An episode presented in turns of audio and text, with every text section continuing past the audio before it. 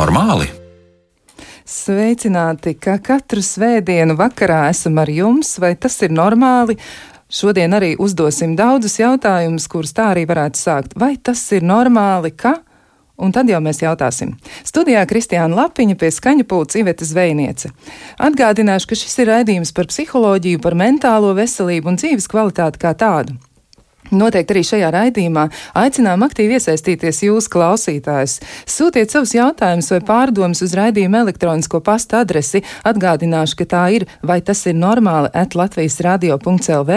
Varat sūtīt ziņas arī Latvijas radio mājaslapā, atrodot raidījumu vai tas ir normāli ziņojumu lodziņu, un, protams, jūs varat arī zvanīt. Tālruņa numurs studijā 67 222 888. Šodien runāsim par depresiju.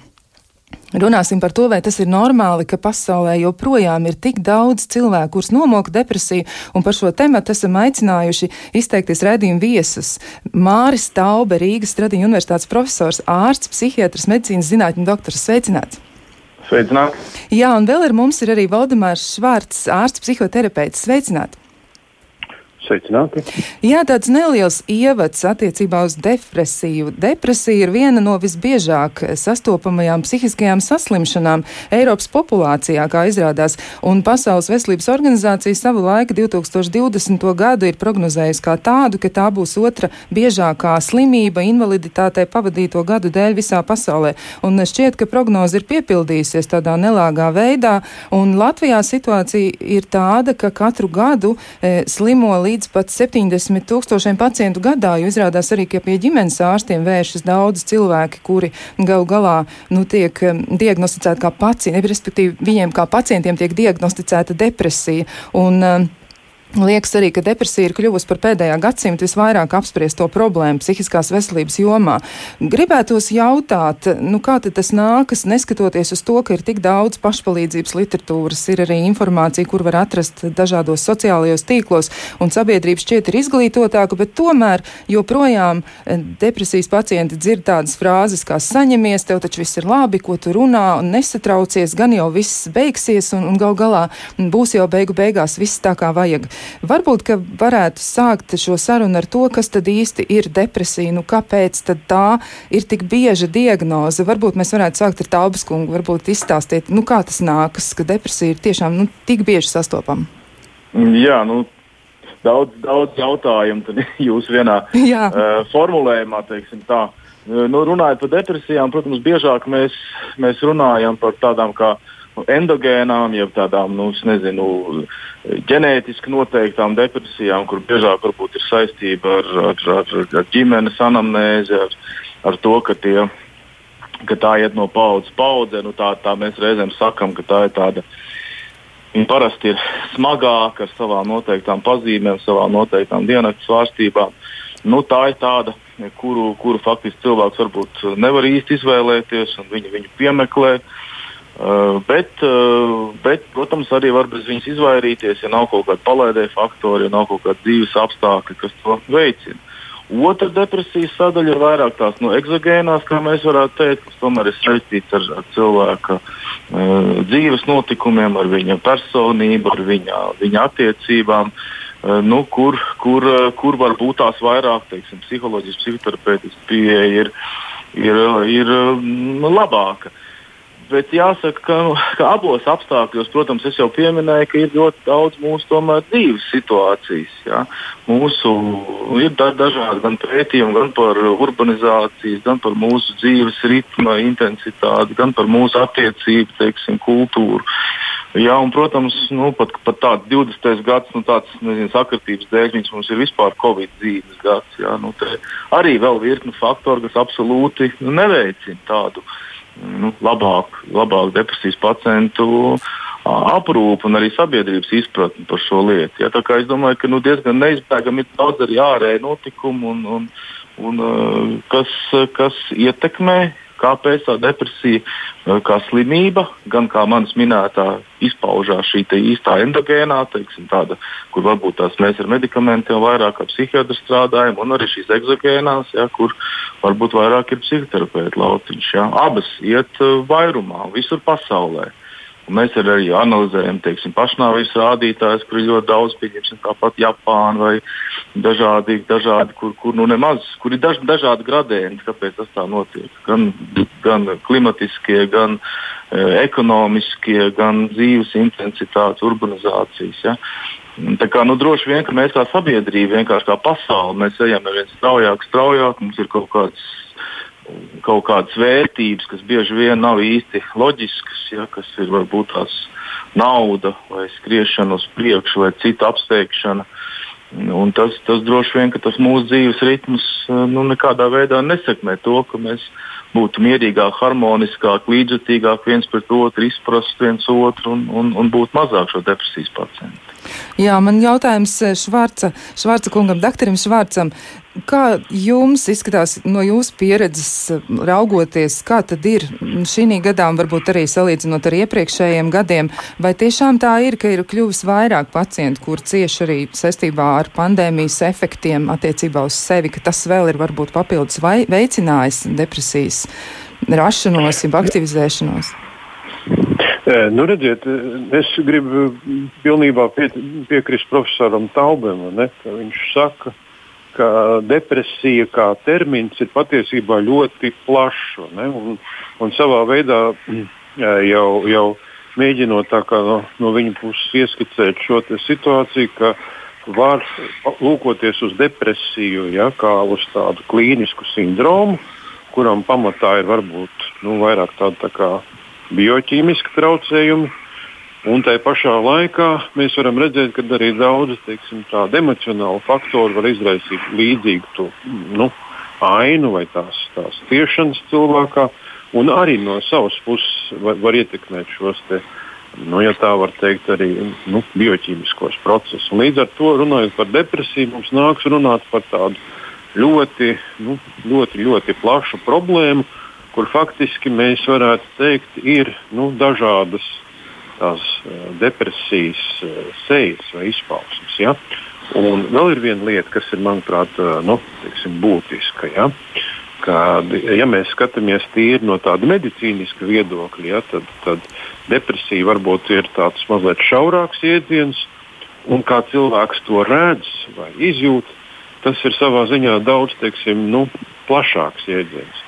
Nu, un, protams, ka jums ir taisnība, tad, kad jūs runājat par šo Covid laiku, Ja, jo tā ir savā ziņā nu, tāda klasiska psihoemocionāla krīzes situācija, un tajā e, visvairāk izpaužās dažādas, ja tā varētu teikt, cilvēka personības, rakstura, ģimenes attiecību, dažādu konfliktu vājās vietas. Tad, ja cilvēks teiksim, bieži vien jūtas, ka viņš nav pārāk veiksmīgs attiecību ziņā, Līdz ar to viņam ir, ir kaut kādā ziņā šī sajūta, ka viņš ir kaut kādā ziņā varbūt neveiksmīgs, vai neapmierināts, vai vientuļš, vai nelaimīgs.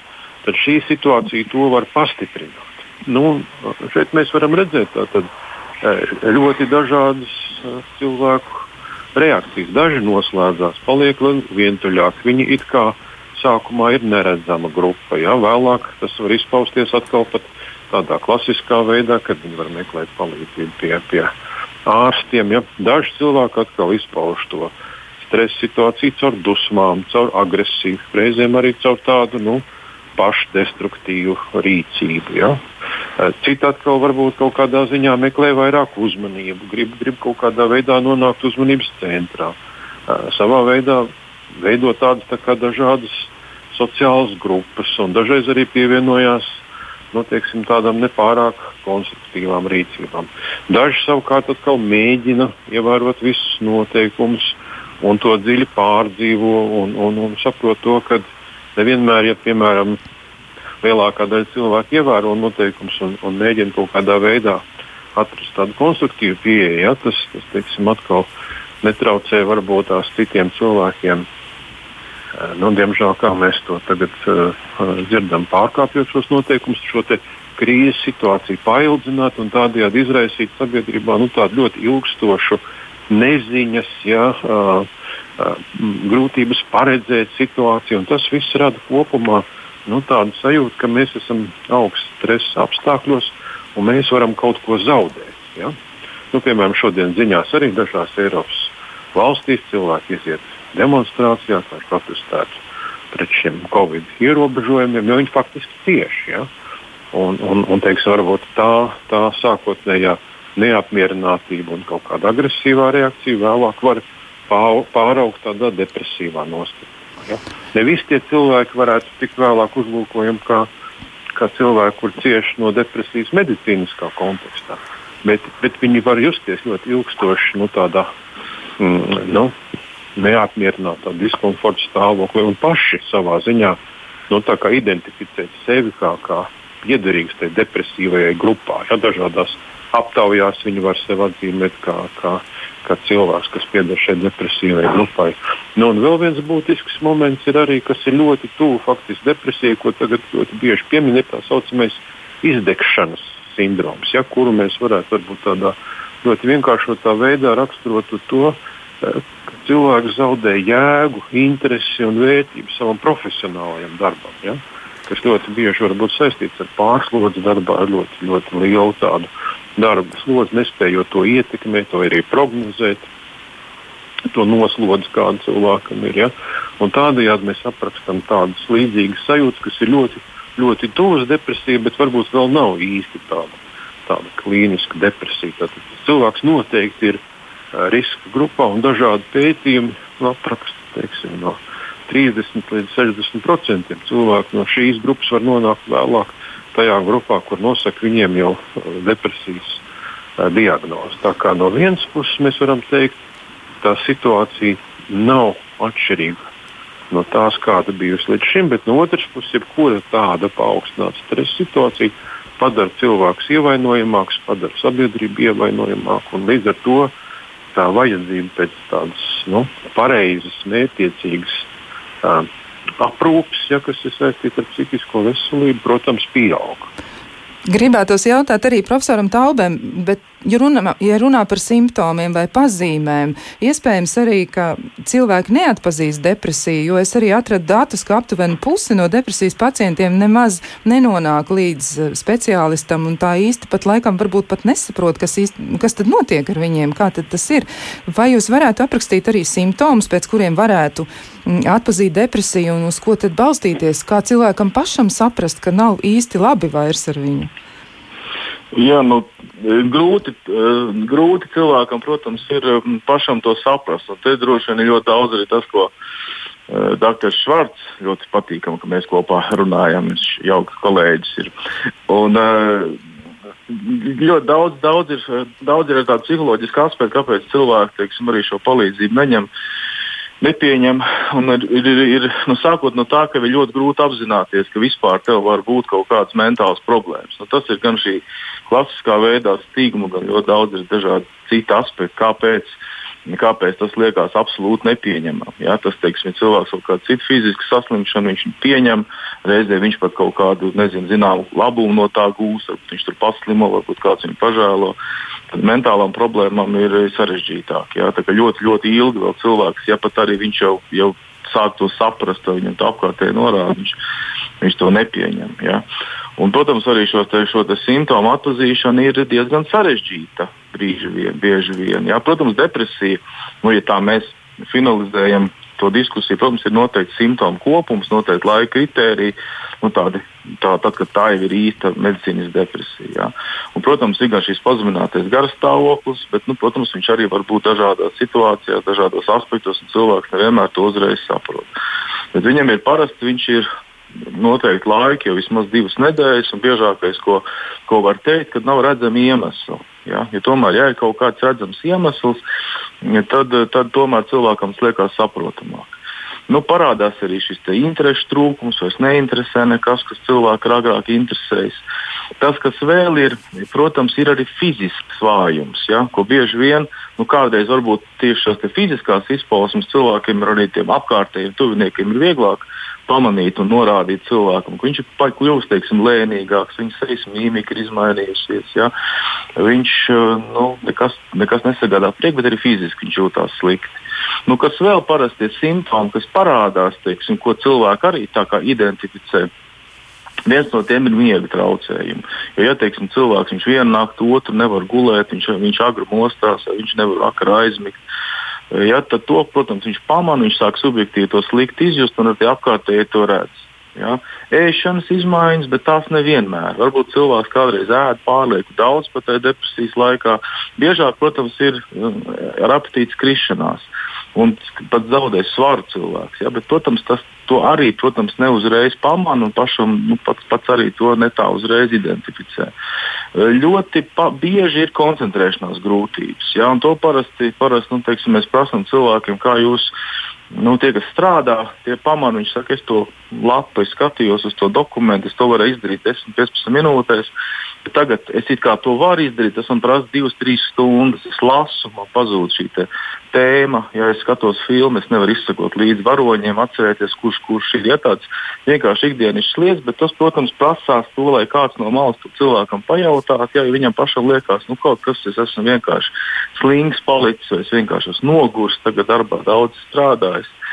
Nu, traģiska lieta, protams, ir pašnāvības domas, nu, kam droši vien būtu atsevišķs raidījums jāvēlta, ja tā ir atsevišķa milzīga tēma, bet nu, ļoti tieši saistīta ar depresiju. Bet arī to, protams, cilvēks nu, nevēršās, viņš nesaka to, viņš ne, ne, neverbalizē šīs domas. Viņam, tad, kad viņam pajautā, tad, protams, mēs varam to uzķert, un, un tas ir jājautā, bet uh, bieži vien viņš pats nonāk pie šī, viņš dzen šo domu projām. Jā, viņš arī to domu no vienas puses nepieņem, no otras puses tas jau viņam jau, jau, jau parādās diezgan, diezgan reāli. Tā kā, nu, no vienas puses visi simptomi ir tādi, kas, kas it kā varētu būt uh, nu, pietiekami teiksim, skaidrs, kad es viņus pacientam izjautāju, kad mēs saliekam viņus pa plauktiem, tad mums tas viss izrādās. Ir arī teiksim, pašvērtējumi, testiņi, kurus starp citu internetā cilvēki diezgan ļoti daudz tādās mājaslapās, kur mums ir mūsu teiksim, asociācijas vai kur viņi parādās. Ja, tur, protams, mēs redzam, ka apmeklējumu skaits ļoti daudz cilvēku dara to, un viņi atnāk jau ar gatavu. Ja.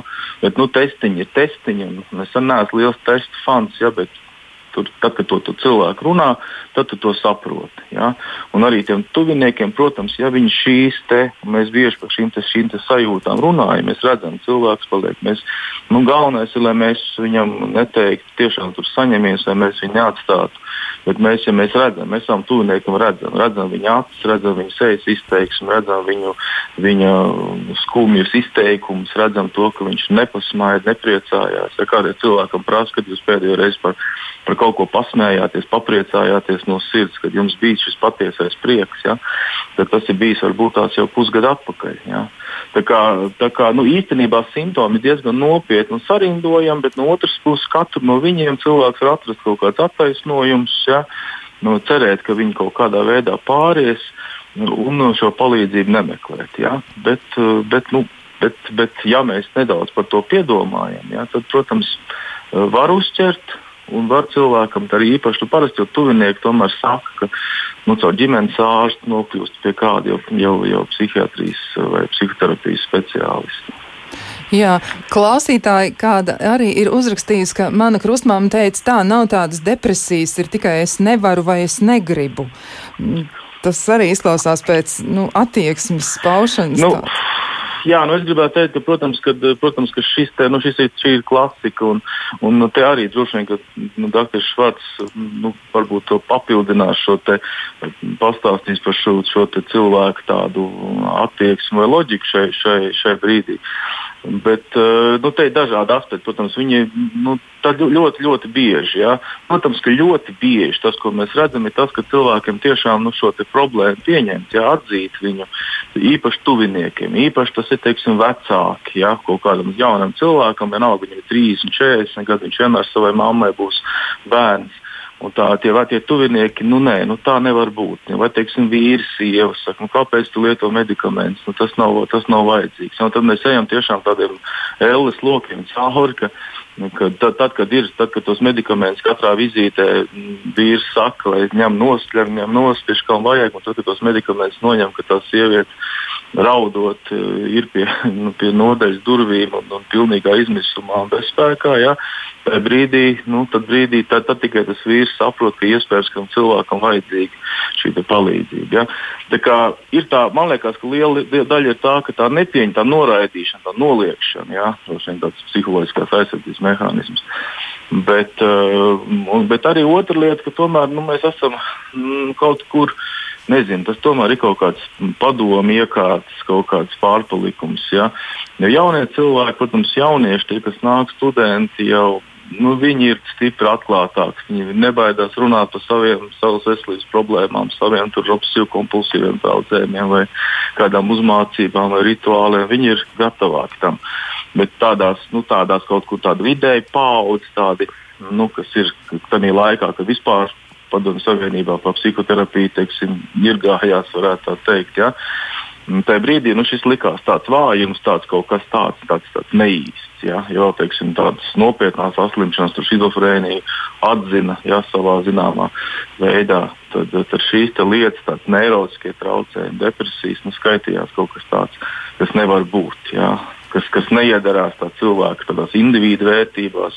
Tādā, tādā kolektīvismā nevar būt tā, ka vienam ir kaut kā slikti un viņš kaut kā nevar nest kaut kādu labumu sabiedrībai. Ja? Nu, tās, tās ir tās, tās manas pārdomas. Jā. Vieg, vieglāk pamanīt, ka roka ir salauzta netīšām uz kalna slēpojot, nu, jā, nekā, nekā kaut tā, tas, tas, tas, tā ir un tas ir pieņemams, un pat dažādas slimības pat cilvēki ir gatavi atzīt arī.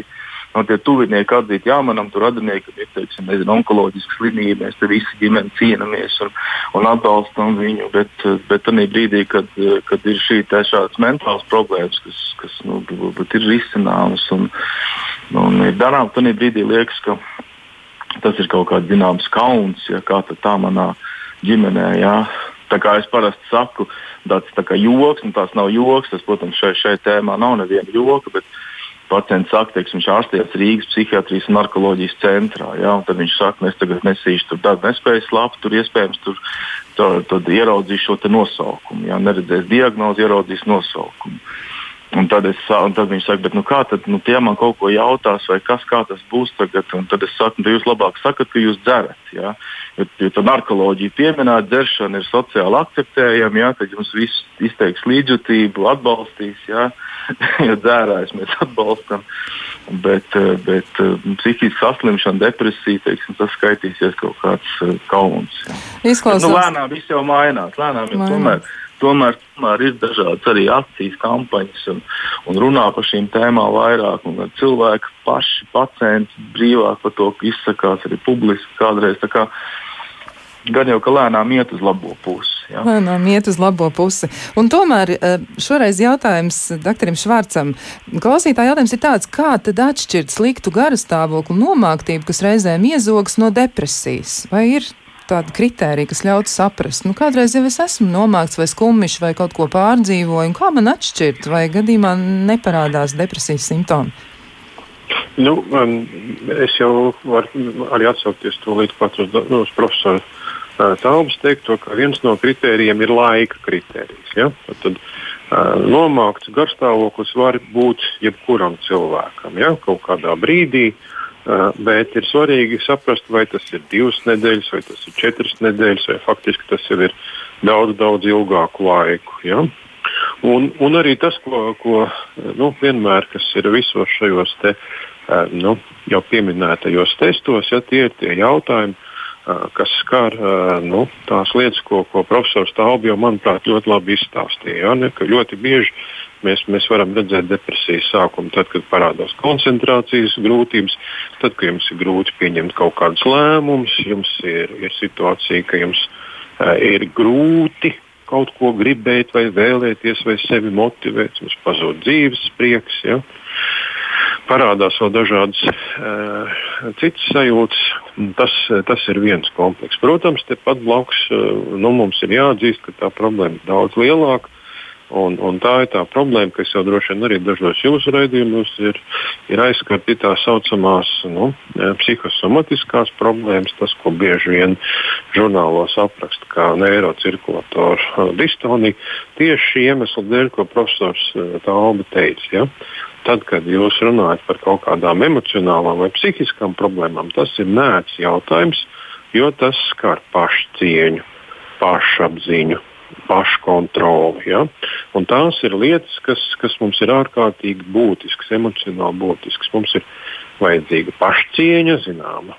Šajā gadījumā es, es vienmēr gribu aizstāvēt latviešu valodā vienu, vienu tādu vārdu, kuram parasti ir mazliet uh, negatīva nokrāsa. Es domāju, tieši arī tāda mazliet sabiedrības depresīvās ieviras dēļ patmīl. Patmīlīgs cilvēks tiek savā ziņā nu, teiksim, raksturots kā cilvēks, kas ir tāds pārspīlēts un mazliet negatīvi šādu īpašību attīstošs. Bet patmīlība ir ļoti, ļoti svarīga.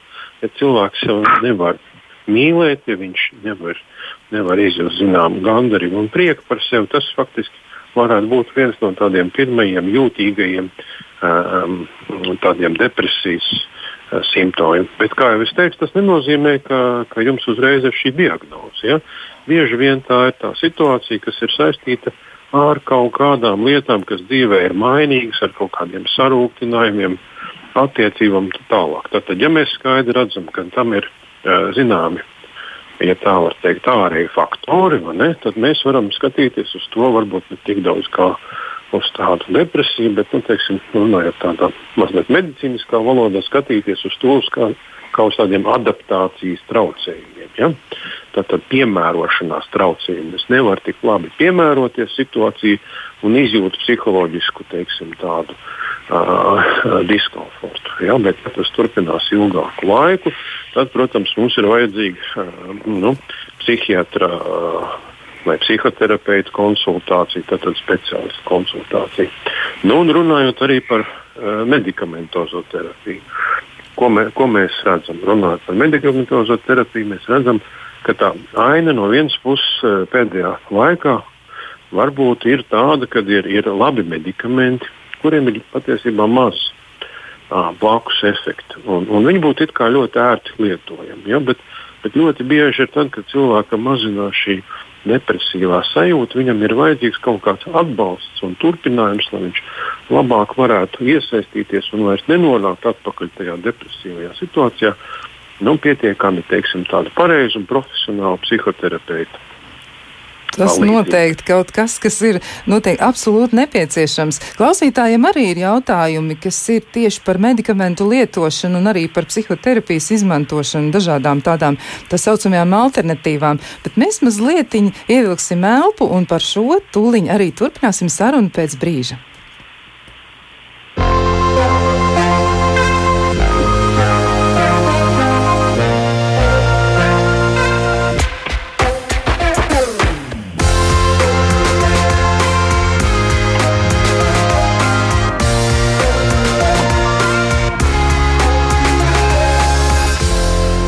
Tas ir normāli? Jā, mēs esam atpakaļ un šodien runājam par tematu, vai tas ir normāli, ka pasaulē joprojām ir tik daudz cilvēku, kurus nomoka depresija. Vēl gribu atgādināt, ka raidījuma laikā mēs atbildām uz jūsu jautājumiem, un jūs varat tos iesūtīt e-pastā, vai tas ir normāli at Latvijas radio.lv, izmantot arī ziņojumu logu Latvijas radio mājaslapā pie raidījuma, un noteikti varat mūs mēģināt arī sazvanīt pa tālruņa numuru 6722 888.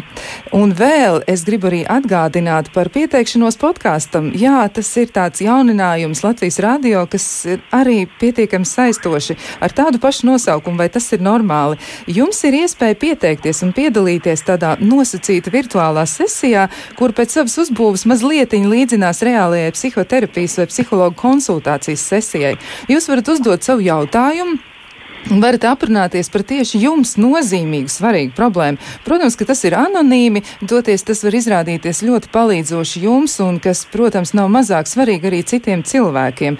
Un vēl arī gribu atgādināt, ka podkāstu uzdevums nav tikai informēt vai sniegt tādu individuālu pieredzi. Galvenokārt tas ir iedrošinājums parūpēties par savas dzīves kvalitāti un iespējams arī mazināt gan savas, gan arī citu cilvēku bažas. Pieteikties jūs varat sūtot īsu savas problēmas pieteikumu uz to pašu e-pastu vai tas ir normāli at Latvijas radio.lv, un mēs ar jums sazināsimies. Bet eh, šodien, jā, gribu atgādināt, mēs turpinām tematu par depresiju, un esam studijā kopā ar Māri Taubi, Rīgas Stradiņu universitātes profesoru, ārstu psihiatru, medicīnas zinātņu doktoru, un ar Valdemāru Švārcu, ārstu psihoterapeitu. Mums ir kāds klausītājs zvans.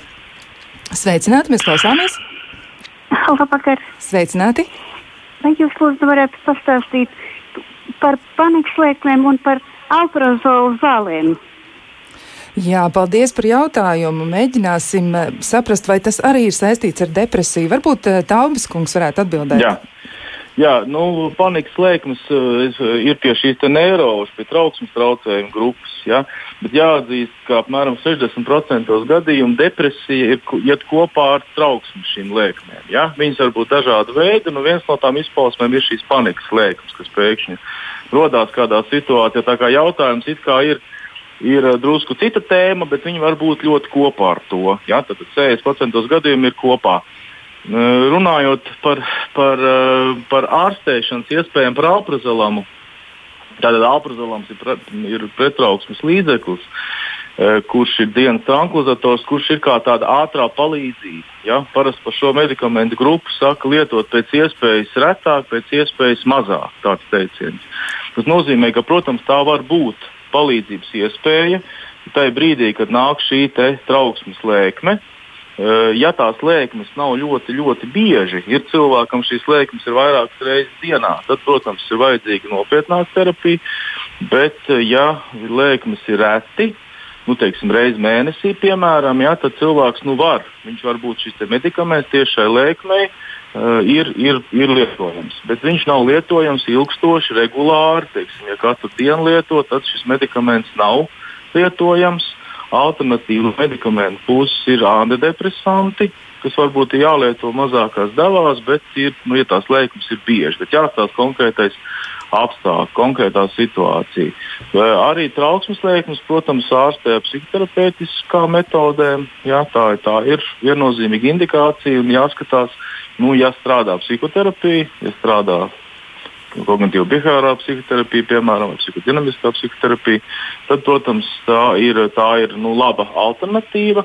Bet, ja tas nestrādā, vai teiksim, labāk vienmēr ir kompleksa ārstēšana, ja, tad arī šie medikamenti. Ja, bet, e, Alprazolams tikai kā vienīgā ārstēšana, teiksim, katru dienu lietojams, kā tāda terapija, nav īsti pareizā izvēle. Tā ir tāda nu, neatliekamā palīdzība, tā varētu teikt. Te nu mēs nonākam atpakaļ pie e, doktora Švarca iesāktā, jo viņš sāka stāstīt par terapijas alternatīvām dažādām, kādas ir iespējamas, un arī par psihoterapiju, un arī par medikamentu lietošanu. Un viens no klausītāja jautājumiem ir par to, vai no medikamentiem, no antidepresantiem nevar kļūt atkarīgs. Man liekas, tas ir visbiežāk uzdotais jautājums šajā saistībā. Varbūt doktor Švarts varētu atbildēt.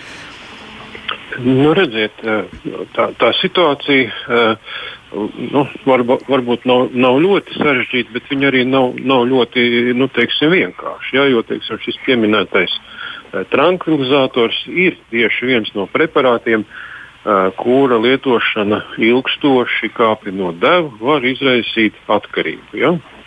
Un līdz ar to nu, tā ir tā situācija, kad pieredzējuši ārsti vienmēr um, paskatās uz dažādu nu, citu preparātu grupām, ja, tādējādi, lai cilvēkam sniegtu to, to atvieglojumu un atbalstu, teiksim, arī medikamentozā veidā. Tas, uh, tas teiksim, uh, būtu, būtu nu, ja tā var teikt, izskatāms. Ja. Bet, nu, kas ir vēl viens no, teiksim, no pieredzes, skatoties, kāpēc reizēm cilvēkiem rodas iespējas, ka Uh,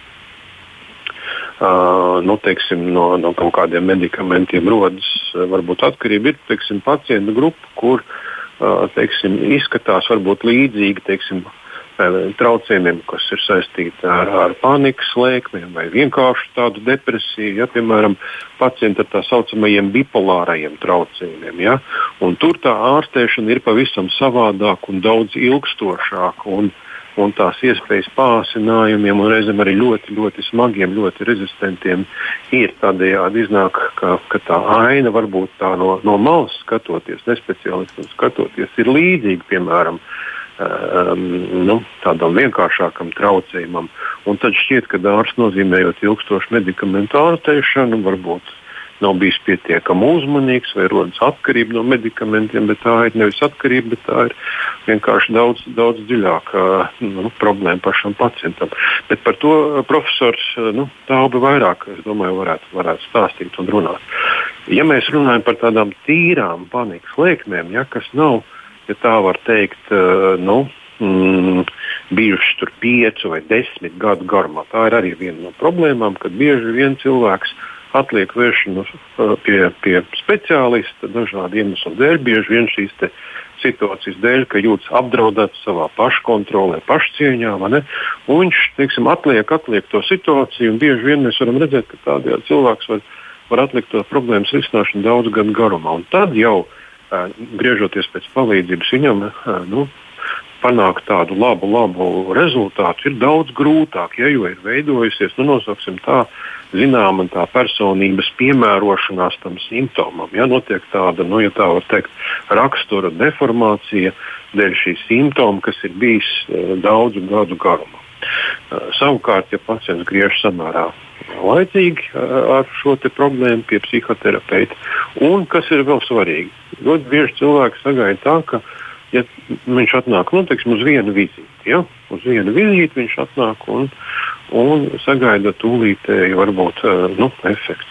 Tas ļoti bieži nenotiek, jo, ja mēs runājam par psihoterapiju, tad nu, no tāda klasiska viedokļa ir tā saucamās diagnostiskās konsultācijas, kad cilvēks atnāk vienu, divas, trīs reizes un, un formulē to problēmu, atrod labāko palīdzības veidu, uh, izvērtē arī kontaktu, vai pacientam ir pieņemams konkrētais speciālists. Ja, jo mēs ļoti bieži runājam par psihoterapiju, mēs runājam par tā saucamo personalizēto medicīnu. Un tas absolūti nav nekas jauns. Par personalizēto medicīnu jūs varbūt tā kā nu, mazliet pasmaidīsiet, par mani runāja jau Hipokrāts. Ja?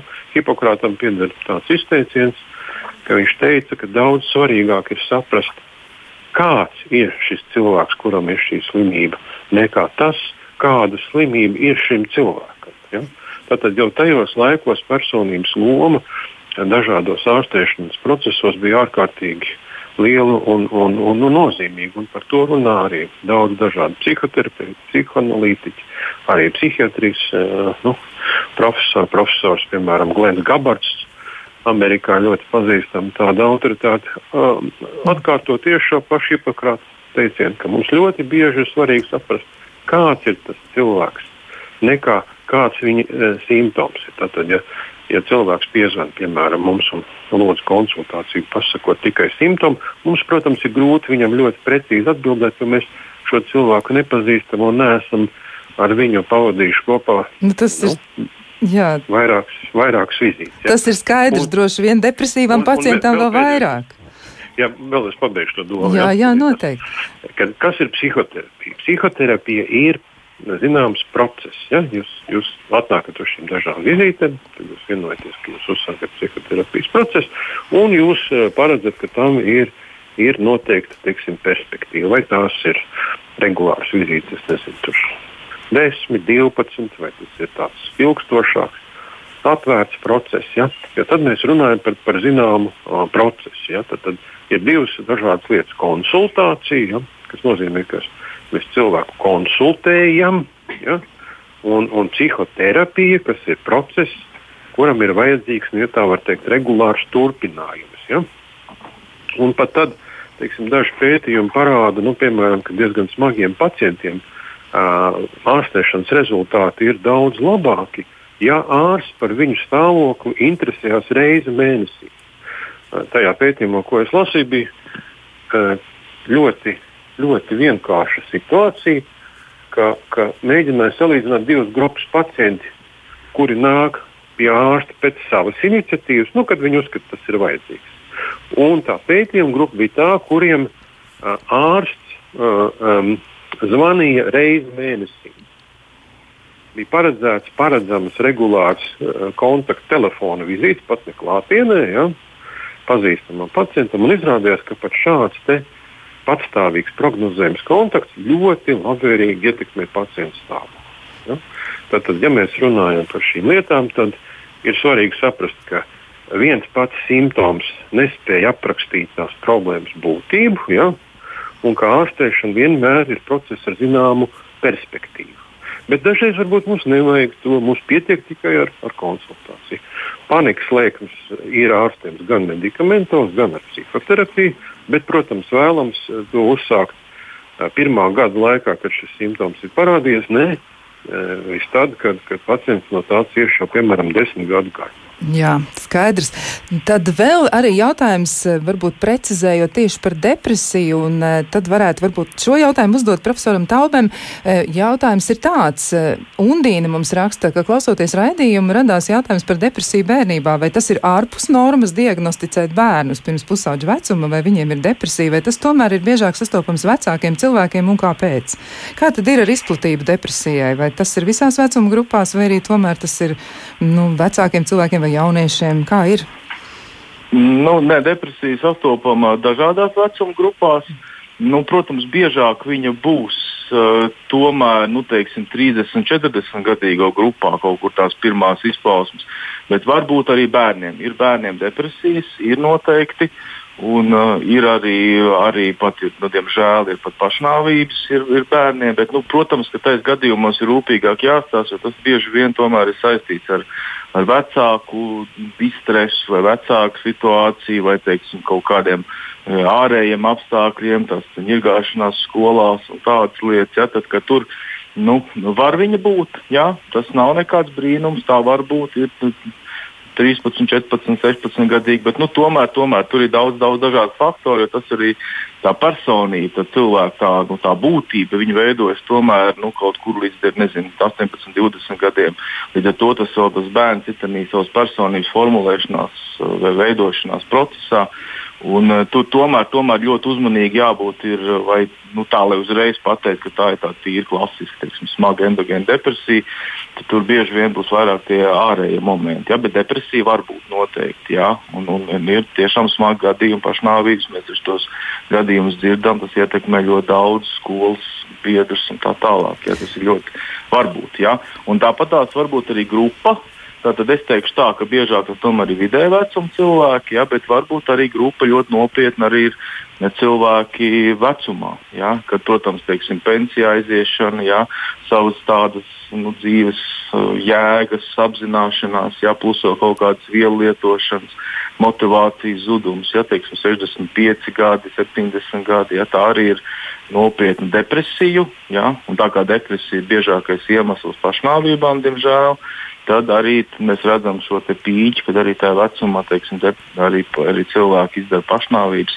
Tā kā, tā kā nu, nav visi vecumi, visi ir riska grupā. Jā. Un, bet jauniešiem varbūt vēl papildus dažādi faktori, kur ļoti rūpīgi jāizvērtē viņu ģimenes situācijas. Un, un, un attiecības. Pie viena arī gribētos jautāt, kā tad reaģēt tuviniekiem, ja mēs eh, nu, kaut ko pamanām, ir labi, bet varbūt mēs arī nu, nepamanām reizēm kādas lietas. Tad kā, kam mums būtu jāpievērš uzmanība un kā reaģēt tad, ja cilvēkam ir diagnosticēta depresija un viņš ir mums līdzās? Pirmkārt, tātad kā pamanīt un kā reaģēt? Un tad varbūt vispirms Taubas kungs atbild un pēc tam varbūt arī e, Švārca kungam būs kas piebilstams arī klāt pie šī. Jā, nu par to pamanīšanu es jau mēģināju tos simptomus tā kā, Jā. tā kā uzskaitīt. Protams, ka teik, tas, ko tiešām pamana to, ka cilvēkam, nu, ka viņš varbūt ir skumīgāks, varbūt viņam ir nav tās intereses, viņam bija kaut kādas lietas, kas viņam sagādāja prieku, vai kāds vaļasprieks, vai viņš tur lasīja, vai viņam, tas, tas viņam vairs nesagādā prieku. Ja? Viņš, viņš jau tīri vizuāli skumjāks, viņš ir lēmīgāks, viņš neko nepriecājās. Varbūt tie kaut kādi sarkastiski arī joki. Ja? Nu, varbūt kaut kādas arī pat reizēm cilvēks sāk, viņam, viņam šīs pašnāvības domas nāk prātā, viņš sāk runāt kaut kādas, uzdot dīvainas jautājumus par eksistenci, par dzīves jēgu, par tādām globālām lietām, ko tie tuvinieki skatās. Nu, es teiktu tā, ka pirmais tas, tas kriterijs ir izmaiņas, ja? tas atslēgas vārds. Ja mēs manām, ka no tā cilvēka, teiksim, tādas normālas, viņa nosacīt, viņam adekvāts, ja? Atkal jāsaka, jā, cilvēks var būt, viņš var būt savā būtībā, viņš savā raksturā var būt noslēgtāks, viņš var būt, atstā, viņš var būt dažāds. Bet, ja notiek šīs izmaiņas, tad nepamatotas izmaiņas ilgākā laika periodā viņa uzvedībā, to noteikti tuvinieki var pamanīt. Ja? Un arī šīs ēšanas paradums, svāra vai teiksim, miega traucējums, ja? to, protams, viņi kaut kādā pastiprinātu nogurumu no viņa. Ja? Tad noteikti, noteikti to var pamanīt. Un, ja tuvinieki ieskatās, viņi pa, pamana tiešām pat ceļš izteiksmi cilvēkiem. Tā kā, tā kā var pamanīt šīs būtu tie aspekti, tad, tad, izmaiņas laika periodā, izmaiņas no viņa normālā dzīves ritma, kas ir uz leju, teiksim, uz šo te nomāktību. Tām, tās būtu tāds atslēgas vārds. Un, un, protams, ka tajā brīdī ir nu, svarīgākais ir tomēr cilvēkam pievērst uzmanību, sākt ar viņu runāt par šīm lietām. Ja cilvēkam jau ir bijusi šī depresija, arī ir ļoti nu, uzmanīgi, tad jau, protams, kad ir pārdzīvot šī epizode, tad jau, tad jau tuvinieki arī ir uzmanīgāki. Viņi pamana, viņi jau laicīgi meklē cilvēkam no malas. Jo reizēm ir tā, ka tam pašam cilvēkam ir grūti pamanīt, ja viņš jau mēģina nu, tie klasiski pacienti stāsta, ka es vēl mēģinu, es jau jūtu, ka es jau palieku kā slinkāks, ja, bet es tomēr ceru, ka, ka nebūs nekas, ka es tomēr tas vienkārši slinkums. Ja, lai cik tas neatkārtotos tās epizodes, viņam vienmēr liekas, ka kaut kā viņas beigsies laimīgāk. Viņš pat zina, ka katru rudeni viņam nāk šī depresija, bet viņš vienalga mēģina iestāstīt, nu, šogad būs savādāk. Jā, nu man jau tur slinkums nāk, jau kaut kāds prieks zūd, bet tas jau nebūs tik traki. Ja? Ka, protams, tas tuvinieku uzdevums tajā brīdī ir tomēr no to cilvēku parunāt Un, eh, un tomēr mēģināt viņu nu, teikt, klausies, nu, mēs no malas redzam, ka tas nav. Tomēr mēģinām. Tomēr nu, vai nu, tas atkal mums ir vajadzīgs teiksim, pie terapeita iet, vai mums ir pie ģimenes ārsta, vai mums ir vajadzīgs atkal medikaments, tomēr nokuriģēt. Ja? Tad, tad uh, nu, es teiktu tā, ka tā, tā, tā tuvinieki ir tas viena pamanīšana, otra ir tāda vērošana jau tajā procesā, kad, kad jau tās depresijas tomēr atkārtotas, nu, kad tuvinieki parasti paliek uzmanīgāki. Ja, ja viņi ir nu, līdzestīgi un viņi tam cilvēkam cilvēkam palīdz un redz, ka tā ārstēšana var palīdzēt, ja, tad viņi viņu vēro, lai neielaistu. Tas, ko Švartskungs teica, teiksim, ka ļoti daudz lietas tiek ielaistas jau tik tālu, ka, ka faktiski cilvēks atnāk jau nu, ar, ar ļoti, ļoti lielām grūtībām, lai kaut kā vispār to saglabātu. Ja. Jā, varbūt Švartskungam arī ir kas piebilstams, kā tad, kā tad rēģēt, ja ir depresija kādam ģimenei. Nu, es domāju, ka, kad, protams, kad, kad profesors Stāvs jau, jau diezgan labi aprakstīja dažādas tās situācijas. Nu, redziet, dzīvē jau reizēm ir arī tā, ka cilvēki reizēm nemāca komunicēt, un nav šīs emocionālās komunikācijas kultūras. Ja, ja mēs teiksim, atkal paskatāmies mazliet uz um, nu, teiksim, uh, varbūt tādiem dažiem pētījumiem, kas man pašam bija tāds nu, ārkārtīgi nu, aizkustinošs pētījums. Viens no, no zinātnes pasaulē ilgākajiem pētījumiem, kas manuprāt ir um, nu, pirms kāda laika bija apmēram 80 gadu garumā. Tas pētījums sākās uh, Bostonas apgabalā lai noskaidrotu, kādi faktori ietekmē cilvēka dzīves kvalitāti.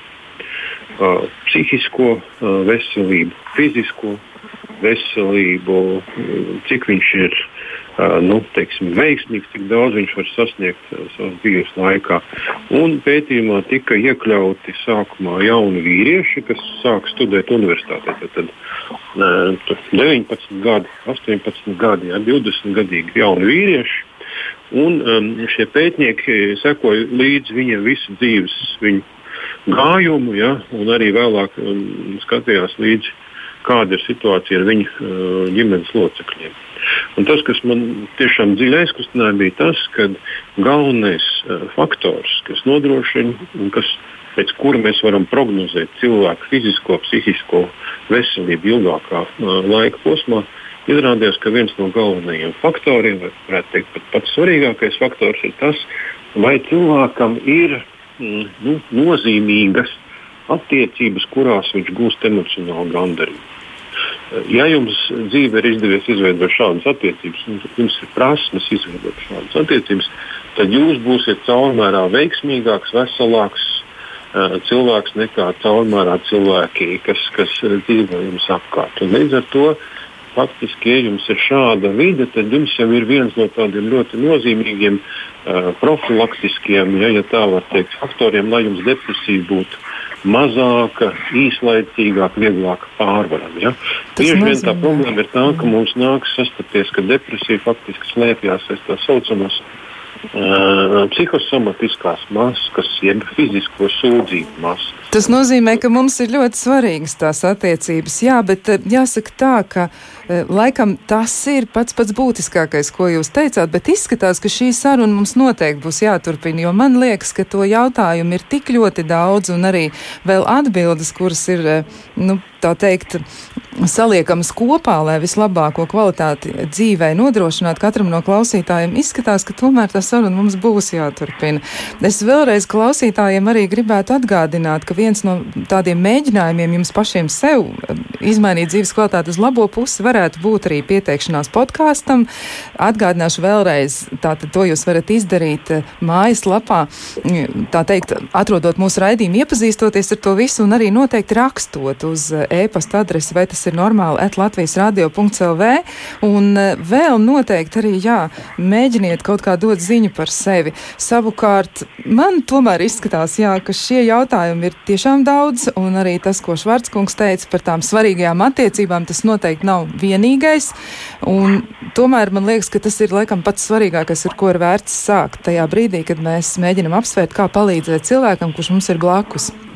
Saku paldies Mārim Taubēm, Rīgas Stradiņu universitātes profesoram, ārstam, psihiatram, medicīnas zinātņu doktoram un arī Valdemāram Švārcam, ārstam, psihoterapeitam. Droši vien, jā.